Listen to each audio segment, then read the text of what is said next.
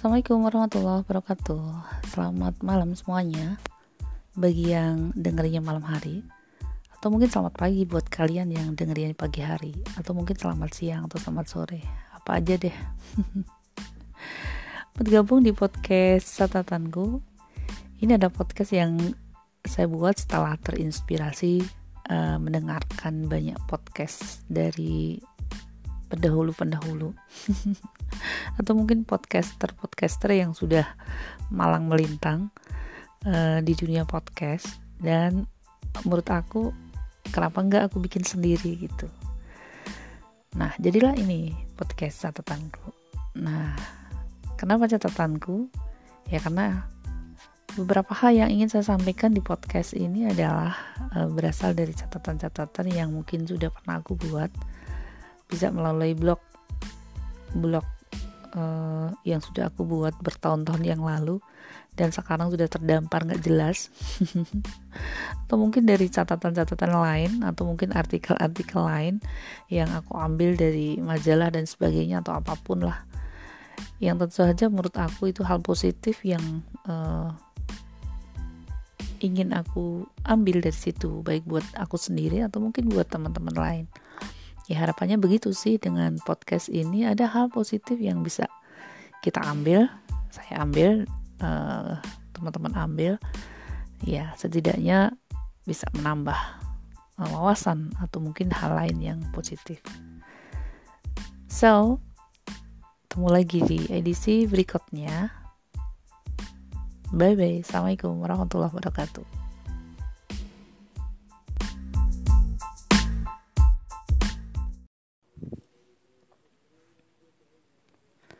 Hai, Assalamualaikum warahmatullahi wabarakatuh. Temu lagi dengan podcast catatanku. Dan edisi kali ini uh, saya mau cerita atau sampaikan salah satu catatan yang sudah aku buat beberapa waktu yang lalu Yang sempat aku tulis di blog aku ya Di www.titisalim.blogspot.com Susah sekali ngomongnya. Nah, uh, catatanku ini sebenarnya aku ambil dari buku yang aku punyai. Uh, judulnya adalah buku uh, Sang Pemimpin dari Jim Clymer ya. Ini adalah buku tentang bagaimana uh, prinsip abadi untuk keberhasilan tim dan organisasi. Jadi uh, semacam buku apa ya uh, leadership buku leadership. Dan Jim Clymer ini adalah uh, salah satu penulis uh, setahu aku sih salah satu penulis buku-buku leadership manajerial yang cukup enak dibaca. Nah, oleh karena itu maka saya sempat beli buku ini di beberapa waktu yang lalu. Nah, salah satu uh, dalam salah satu bagian buku itu uh, menceritakan tentang uh, bagaimana uh, kekuatan tim bekerja untuk menghasilkan organisasi yang efektif dan efisien. Nah, salah satu catatanku adalah tentang itu. Nah, di blog aku aku tulis judulnya adalah belajar tentang kerjasama dari kerjasama tim dari Penguin. Uh, catatanku ini aku ambil dari buku ini karena memang aku tertarik uh, si Jim Clymer ini dalam menuliskan hal-hal uh, terkait dengan apa yang ini sampaikan ini uh, seringnya mengambil fenomena-fenomena alam yang membuat kita jadi tahu oh uh, jadi tahu dan lebih jelas bagaimana pembelajaran yang bisa diambil terkait dengan apa yang disampaikan. Nah, uh, edisi kali ini uh, aku ingin sampaikan tentang bagaimana ceritanya uh, tim yang efektif yang ini digambarkan dari komunitas komunitas ya dari sekelompok pinguin di daerah uh, Antartika sana ya. Nah, mungkin teman-teman sudah sering sudah sering mendengar cerita atau mungkin pernah mendengar cerita bagaimana pinguin ini bertahan di benua Antartika yang sangat dingin sekali sehingga mereka bertahan hidup uh, dan bisa berkembang biak dengan baik. Nah, di sini dicerita, diceritakan bahwa penguin ini uh, mereka ini kan memang tinggal di benua Antartika yang sangat dingin sekali. yang bahkan temperaturnya itu mendekati minus 100 derajat ya e, di mana di situ juga sering terjadi badai salju dengan kecepatan angin 160 mil per jam kebayang nggak sih ya nggak sih karena kita belum pernah ke daerah yang suhunya minus 100 ya nah uh, seperti halnya juga dengan hewan yang lainnya, mereka sebenarnya atau penguin-penguin ini juga sebenarnya uh, tidak tahan terhadap udara dingin ini ya dalam kehidupan sehari-hari dalam waktu yang panjang.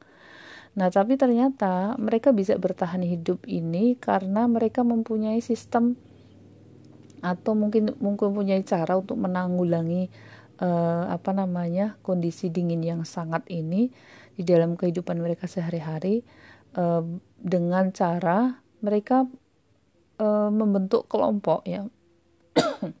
Aduh sorry. Membentuk ber, apa beribu-ribu penguin ini berkerumun dan kemudian membentuk kelompok. Di mana setiap kelompok ini sekitar ada 10 ekor uh, penguin yang kemudian uh, yang berada di dalam sekitar uh, satu uh, atau satu yard perseginya ya satu yard berapa meter sih Nah, pada saat terjadinya angin atau badai angin, maka kemudian pinguin-pinguin ini uh, mereka berjajar berkelompok di mana kemudian pada saat arah angin bertiup datang, maka uh, mereka bergantian dalam posisi itu. Ya, jadi mereka bisa dibayangkan gak sih mereka berkelompok berkerumun kemudian misalnya nih ada angin dari arah barat gitu ya misalnya ada angin kencang badai dari arah barat, mereka kemudian di situ posisi yang berada di e, berhadapan langsung dengan angin, maka kemudian mereka bergantian dalam waktu tertentu. Jadi misalnya e, sesuai dengan apa namanya sesuai dengan kemampuan mereka. Misalnya dalam 10 menit atau 5 menit lah. E, nah, maka setelah waktu 5 sampai 10 menit ini kemudian pinguin yang posisinya berada di uh, tempat yang kena angin maka kemudian dia akan berpindah ya berpindah di tempat lain yang tidak begitu dingin kemudian digantikan oleh pinguin yang lain yang berada di dalam posisi yang semulanya tidak dingin. Dia masih punya uh, cadangan uh, suhu tubuh atau suhu panas di dalam tubuhnya uh, sehingga dia menempati di posisi itu. Kemudian dia juga dalam waktu yang sama ya 5 sampai 10 menit misalnya ini ya. Kemudian dia e, mengepakkan sayapnya kemudian pindah lagi dan digantikan posisinya oleh orang lain. Oleh oleh orang lain. Oleh pinguin yang lain. Nah demikian seterusnya demikian seterusnya hingga e, apa namanya kelompok pinguin ini kan mereka e, tidak standby di situ tetapi mereka kemudian sambil berjalan e, apa namanya di dalam atau bergerak gitu ya bergerak dengan cara seperti itu Nah, ini ini ini cerita uh, bagaimana fenomena alam yang mana di dalamnya kita bela bisa belajar tentang uh, efektivitas suatu tim. Nah, di dalam bukunya ini Jim Clymer juga mengatakan bahwa apabila di dalam uh, kelompok penguin ini ada salah satu penguin yang merasa pingin menjadi pahlawan, pahlawan perseorangan, sehingga kemudian dia merasa sok jago nih aku gue gue kuat nih bisa bertahan sampai setengah jam misalnya yang semula hanya mungkin 10 menit gitu ya. Maka bisa dipastikan bahwa uh, dengan kekuatan seperti itu mak dengan pertahanan yang melebihi kemampuan maka justru dia akan uh, kemungkinan akan mati. Nah dengan adanya salah satu pinguin yang mati maka kekuatan kelompok yang tadi 10 pinguin maka ini menjadi berkurang akan terjadi demikian lagi kalau misalnya ada ada pinguin yang merasa sok jago atau sok pahlawan. Nah, oleh karena itu ini uh, di oleh Jim Clymer ini diambil sebuah uh, pembelajaran bagaimana efektivitas sebuah tim ini di mana masing-masing memberikan kontribusi agar tim ini bisa melaksanakan tugas dengan baik. Bisa uh, menjadi efektif ya menjadi efektif sehingga uh, tujuan daripada organisasi ini bisa didapatkan dengan baik dan apabila ada pahlawan-pahlawan yang perseorangan tadi yang keluar dari aturan untuk menunjukkan kehebatannya, maka justru akan membahayakan daripada organisasi itu.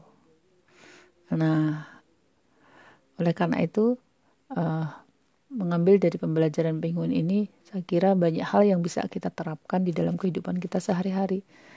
Di sini Jim Clymer mengatakan bahwa uh, kerjasama tim ini akan bisa mengalahkan ya kekuatan satu orang ya walaupun dia mempunyai apa istilahnya senjata yang uh, lebih bagus ya tetapi uh, kekuatan kelompok yang diorganisir dengan baik maka uh, dia akan menjadi le lebih baik dan lebih efektif efisien dibanding dengan uh, kekuatan uh, perseorangan yang mungkin secara personal dia akan lebih tinggi kemampuannya.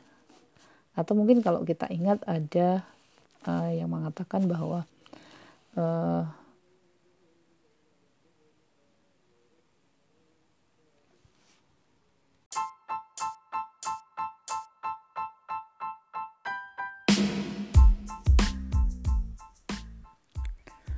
Hai, assalamualaikum warahmatullahi wabarakatuh. Uh, selamat malam, uh, sobat sekalian yang barangkali kali ini mendengarkannya di malam hari, atau mungkin selamat pagi, selamat siang, atau selamat sore. Ya, kapan pun, lah Anda mendengarkan, uh, selamat bertemu lagi di podcast Catatanku. Nah, di edisi kali ini uh, saya mau cerita salah satu catatan ya. Saya bongkar-bongkar catatan yang sudah aku buat beberapa waktu yang lalu. Dan saya menemukan satu catatan yang cukup menarik yang ini aku sampaikan pada sobat sekalian. Nah uh, catatanku ini sempat aku tulis di blog aku di titisalim.blogspot.com yang aku tulis sudah bertahun-tahun yang lalu. Dan aku ambil dari salah satu buku yang aku punyai uh, dengan uh, yang ditulis oleh Jim Clymer yang judulnya adalah Sang Pemimpin. Nah, jadi ini adalah buku tentang leadership ya, tentang kepemimpinan. Dan memang Jim Clymer ini adalah salah satu penulis ya, setahu saya penulis yang memang uh, banyak menulis-menulis buku tentang leadership ya.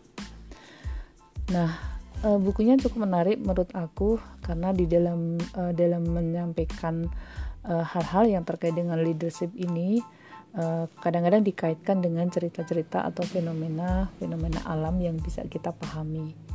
Nah, salah satunya adalah uh, yang ingin aku ceritakan ini teman.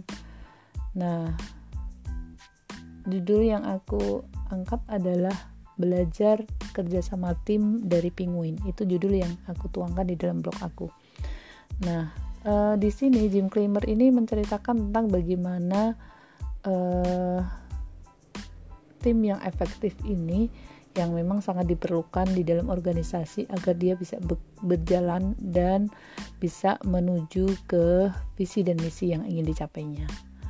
Nah, sobat sekalian, pasti tahulah apa itu penguin, seperti apa gambarannya dan sebagainya, ya. Apalagi penguin ini adalah hewan yang lucu, yang menyenangkan gitu ya yang mungkin sering juga digunakan sebagai uh, apa dibuat boneka-boneka sehingga orang uh, sangat suka gitu ya. Uh, lucu kakinya dua berjalannya menyenangkan gitu ya. Nah nah di balik itu ternyata ada fenomena alam tentang penguin ini yang kita bisa belajar uh, tentang bagaimana efektivitas tim ini uh, dibutuhkan sebuah kerjasama sehingga organisasi bisa efektif. Nah, ceritanya begini teman-teman. Jadi, penguin ini kan e, berada di daerah benua Antartika. Benua Antartika dia berada di dalam di kutub selatan dengan e, apa namanya lingkungan yang sangat dingin sekali bahkan e, mendekati minus 100 di bawah nol. Ditambah lagi di sana sering terjadi badai salju dengan kecepatan yang cukup tinggi yaitu 160 km per jam. Nah, uh, penguin ini, teman-teman sekalian, bahwa ternyata di dalam kehidupannya sehari-hari untuk mengatasi hawa dingin dan serangan badai tersebut, maka mereka uh, beribu-ribu penguin yang ada itu mereka berkerumun ya, berkerumun dan membentuk sebuah kelompok yang sangat besar ya.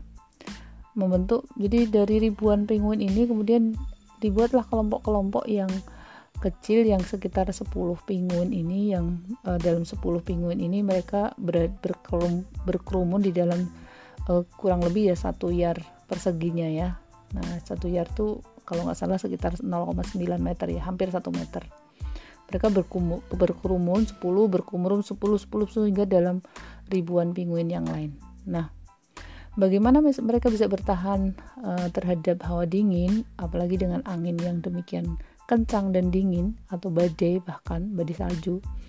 Nah ternyata mereka itu uh, pada saat musim angin atau musim badai ya penguin-penguin ini mereka saling melindungi antar satu dengan yang lain. Melindungi uh, terhadap hawa dingin yang muncul.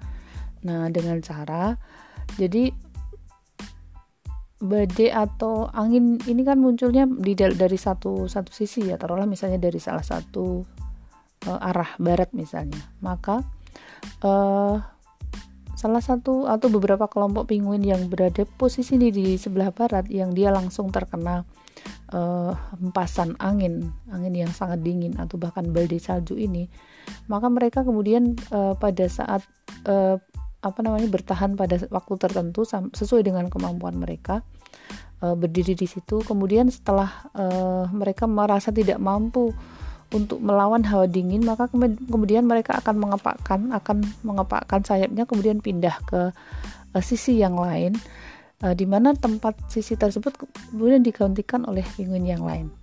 Ya kebayang nggak sih? Jadi mereka bergerombol di sisi dari barat ada angin kencang badai kemudian uh, pada uh, mereka bertahan sesaat uh, sesuai dengan kemampuan setelah mereka nggak kuat kemudian pindah di sisi yang lain. Nah posisi semula di uh, digantikan oleh penguin yang lain. Mereka bertahan penguin yang uh, kedua ini bertahan. Pada sampai saat tertentu mereka tidak mampu mereka akan pindah lagi kemudian digantikan dengan penguin yang lain. Demikian seterusnya sehingga uh, apa bertahannya dari hawa dingin ini dibagi ke seluruh penguin ini secara bergantian ya karena memang fenomena alam atau kondisi alam ini benar-benar uh, sangat dingin dan mereka pun kalau membiarkan begitu saja mereka terkena dalam waktu yang cukup lama maka mereka lama-lama akan punah atau mungkin akan mati satu persatu. Nah inilah fenomena alam uh, yang apa namanya yang dilakukan oleh kelompok penguin ini agar mereka tetap bisa bertahan hidup walaupun di dalam musim uh, badai salju yang sangat dingin uh, dan uh, kecepatan angin yang cukup tinggi. Jadi uh, mereka saling bahu membahu uh, bergantian untuk uh, apa namanya menjaga kelangsungan hidup masing-masing sehingga mereka bisa bertahan hidup dan berkembang biak sampai generasi berikutnya. Nah, kebayang nggak sih teman-teman? Jadi bagaimana mereka sama-sama uh, berkontribu berkontribusi di dalam mempertahankan diri agar tetap bisa hidup ya tetap bisa hidup dan uh, berkembang biak untuk selanjutnya. Nah, ini Jim Climmer ini me, atau sang penulis menggambarkan fenomena ini sebagai salah satu uh, pembelajaran bagaimana uh, seharusnya uh, sebuah tim di dalam organisasi ini agar dia tetap bisa bertahan uh, atau bisa melaksanakan atau bisa membentuk tim yang efektif sehingga bisa ke organisasi yang ada ini berjalan dengan baik dan bisa mencapai visi dan misinya atau tujuan daripada organisasi itu. Nah, digambarkan juga uh, di sini terkait dengan penguin tadi bahwa seandainya ada salah satu penguin gitu ya. Atau mungkin beberapa penguin yang merasa menjadi pahlawan ya. Nih gue gue mampu bertahan lebih lama nih dibanding kalian misalnya. Ada satu yang merasa dia lebih mampu pengen kelihatan pengen dianggap kuat gitu ya sehingga dia bertahan uh, langsung kena terpaan angin yang dingin dan kencang ini maka dimungkinkan uh, penguin ini justru tidak akan kuat dan dia akan mati ya dia akan mati Nah, sehingga dengan adanya salah satu anggota yang mati, maka kemudian kekuatan mereka ini jadi berkurang. Kekuatan untuk saling melindungi, kekuatan untuk saling memberikan hawa panas dari tubuh mereka untuk melawan hawa dingin ini ini menjadi berkurang sehingga uh, kekuatan tim ini menjadi berkurang. Nah, demikian juga di dalam organisasi, teman-teman. Jim Climber ini juga menggambarkan kalau misalnya di antara salah satu uh, anggota organisasi ini ada yang merasa sok jago atau kemudian bahkan uh, tidak mengikuti aturan, maka dimungkinkan ini justru akan menimbulkan uh, sesuatu yang tidak baik di dalam organisasi itu, ya. Nah, jadi uh, sangat jelas sekali digambarkan belajar dari bagaimana fenomena alam kehidupan penguin ini untuk uh, sebuah organisasi agar bisa uh, berjalan dengan uh, lebih baik uh, menjadi kuat sehingga visi misinya bisa tercapai. Ya kebayang nggak sih? Masuk nggak sih? Iya ya jadi kita belajar bagaimana uh, bahu membahu antar tim tidak boleh ada yang salah satu merasa kuat sehingga kemudian menjadi dominan dan mengalahkan yang lain. Tapi bagaimana tim ini benar-benar bisa di manage sesuai dengan uh, apa namanya dan uh, sesuai dengan kondisinya masing-masing anggota organisasi berkontribusi berkontribusi agar organisasi ini menjadi lebih maju lagi. Nah, ini teman uh, catatan uh, kita malam hari ini atau hari ini terkait dengan uh, salah satu catatanku yang uh, mudah-mudahan bisa memberikan uh, apa namanya tambahan atau mungkin bisa memberikan uh, hal positif buat kita semua. Aku sih belajar sih dari situ bagaimana uh, saya juga dapat uh, apa namanya mengelola organisasi atau tim kecilku di dalam tempat kerjaku atau mungkin di organisasi sosial yang aku ikuti bagaimana kita antar satu dengan yang lain uh, memberikan uh, sumbang saran atau berkontribusi, berkontribusi sesuai dengan jobnya masing-masing sesuai dengan kemampuannya masing-masing sehingga organisasi ini bisa berjalan dengan baik. Oke. Teman sekalian demikian catatan uh, yang saya sampaikan pada kali ini.